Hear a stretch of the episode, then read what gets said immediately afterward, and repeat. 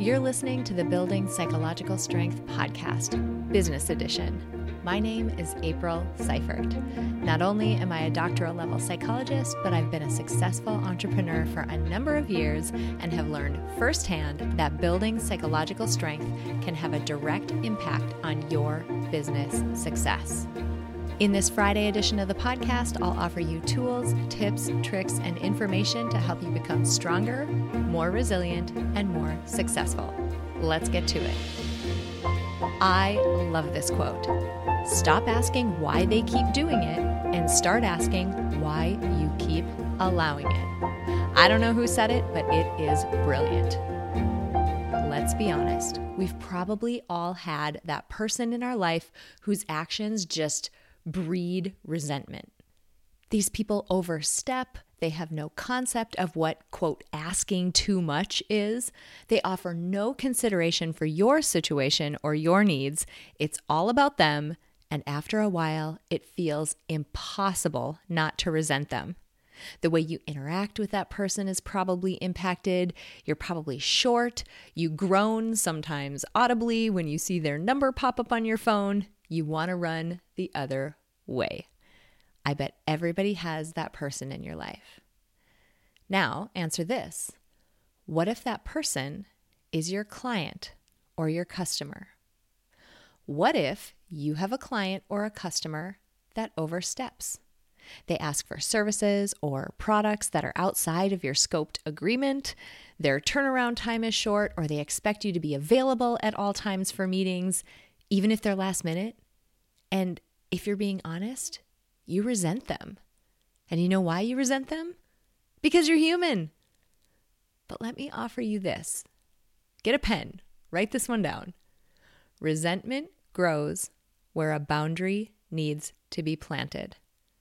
I'll say that again. Resentment grows where a boundary needs to be planted. This episode is the second episode in a three part series focused on making values based decisions in your business. Now, if you missed part one last Friday, you'll want to go back and listen to it because in it, I make the case for getting really clear on your personal and your business values. Because these values are what provide a compass to help you navigate through really murky and uncertain times. And setting boundaries with your clients that's a murky situation if I've ever seen one. And that's why we're diving into it in this episode. So here's the thing no doubt your customers and clients are the lifeblood of your business. And serving your customers and clients and adding value to their lives is, in a large way, why they pay you. It's what keeps your, you afloat in business. But like all good, healthy relationships, there need to be rules of engagement, sort of ways of being or boundaries. How much work do you do and of what kind? What kind of work don't you do? When are you available and with how much notice?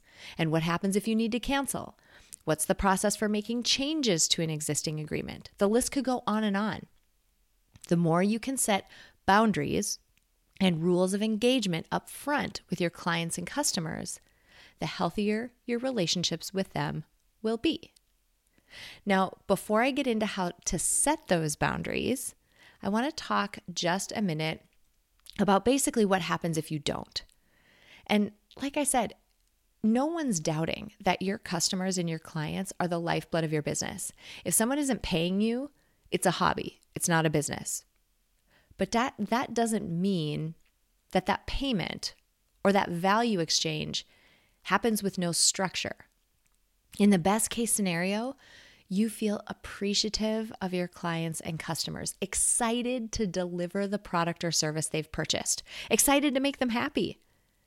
And when a client oversteps a boundary, typically because you haven't clearly set it or reinforced it, the first problem that you encounter is that you end up feeling resentful. It's just like friends and family members who overstep boundaries we end up feeling resentful and it impacts the way that we communicate with that other person and the way we respond to them and the way we treat them. I promise that the experience you give your customers is not the same if you're feeling resentful. You're human.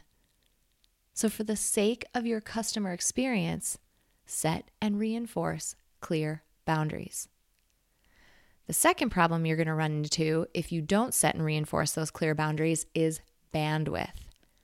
If you've got a client who's overstepping boundaries, you'll likely have to take from the bandwidth you've reserved for other clients in order to fulfill the demands of the over, overstepping client. Not only are you resenting the one client for their behavior, leading to bad customer experience, but you're taking from other clients, leading to bad customer experience. And the third and final problem I'll address, among many, but the last one I'll address here, is that a lack of clear and reinforced boundaries trains your clients and customers that it's perfectly appropriate for them to make the types of demands that are leading you to feel resentful. We train people how they can and should treat us. Your inaction, in this case, is actually action. Now, I hope by now, after going through those three, that I've convinced you that clear and reinforced boundaries with your clients and customers is essential to your business success. So, how in the sec- how in the heck do you set them? Remember that short list of values you cultivated to help you navigate uncertain times and decisions? the one that you created after you listened to last Friday's episode, get that list out. What's on that list? Review it for a second. What boundaries or rules of engagement do you need to have in place in order to operate your business in alignment with those values? I'm going to give you a concrete example. What if one of your business values is a superior end product or a superior service deliverable? You might be inclined to think that this means you should loosen boundaries and bend to the requests and to the whims of your clients. Not if it means you'll be delivering a subpar deliverable to any of your other clients. And you can even lean on that value when you explain to your clients why you can't fulfill their request. You could say something like, Hey, insert your client name. It means a lot to me that you trust me and that our relationship is enough to where you can come to me with that request. But in situations like these, here's how I handle things. Then state your boundary or your rules of engagement. I found that by handling things this way, I can provide the level of service to all of my clients that I'm known for. So, in the same way that I'm having you go through this process, I have all of my clients do the same. And it makes sure that no other client's requests will ever overrule the quality that I'm committed to providing you. As I mentioned in part one of this series, your values, they're the overarching ways in which you want to do business. They're the guiding principles. And because of that, they tend to be positive things that rarely a client would suggest you go against. So ultimately, using your values to set and reinforce clear boundaries and rules of engagement with your clients will preserve the relationship you have with them It'll safeguard you and your capacity to deliver in the way you want to, and it'll keep you sane along the way. It's worth it to spend a couple of hours in the next week thinking about where you might need to set and reinforce clearer boundaries. Remember, resentment grows where a boundary needs to be planted. Thank you so much for joining me for this business edition of the Building Psych Strength podcast. If you're an entrepreneur, current or aspiring, and you're interested in becoming more successful, hit the subscribe button. And if you're really interested in digging deep, visit aprilseifert.com where you can fill out an application to see if Psych Strength business success coaching is right for you. Until next week, be strong, be resilient, and be successful.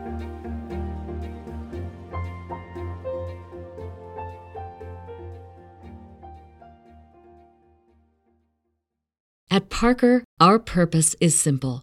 We want to make the world a better place by working more efficiently, by using more sustainable practices, by developing better technologies. We keep moving forward. With each new idea, innovation, and partnership, we're one step closer to fulfilling our purpose every single day. To find out more, visit parker.com/purpose. Parker, engineering your success.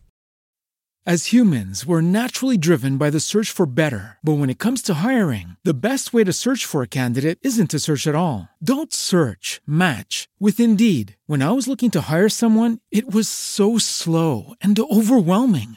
I wish I had used Indeed. If you need to hire, you need Indeed. Indeed is your matching and hiring platform with over 350 million global monthly visitors, according to Indeed data, and a matching engine that helps you find quality candidates fast. Ditch the busy work. Use Indeed for scheduling, screening, and messaging so you can connect with candidates faster. And Indeed doesn't just help you hire faster. 93% of employers agree Indeed delivers the highest quality matches compared to other job sites, according to a recent Indeed survey. And listeners of this show will get a $75 sponsored job credit to get your jobs more visibility at Indeed.com slash podcast. That's Indeed.com slash podcast. Terms and conditions apply.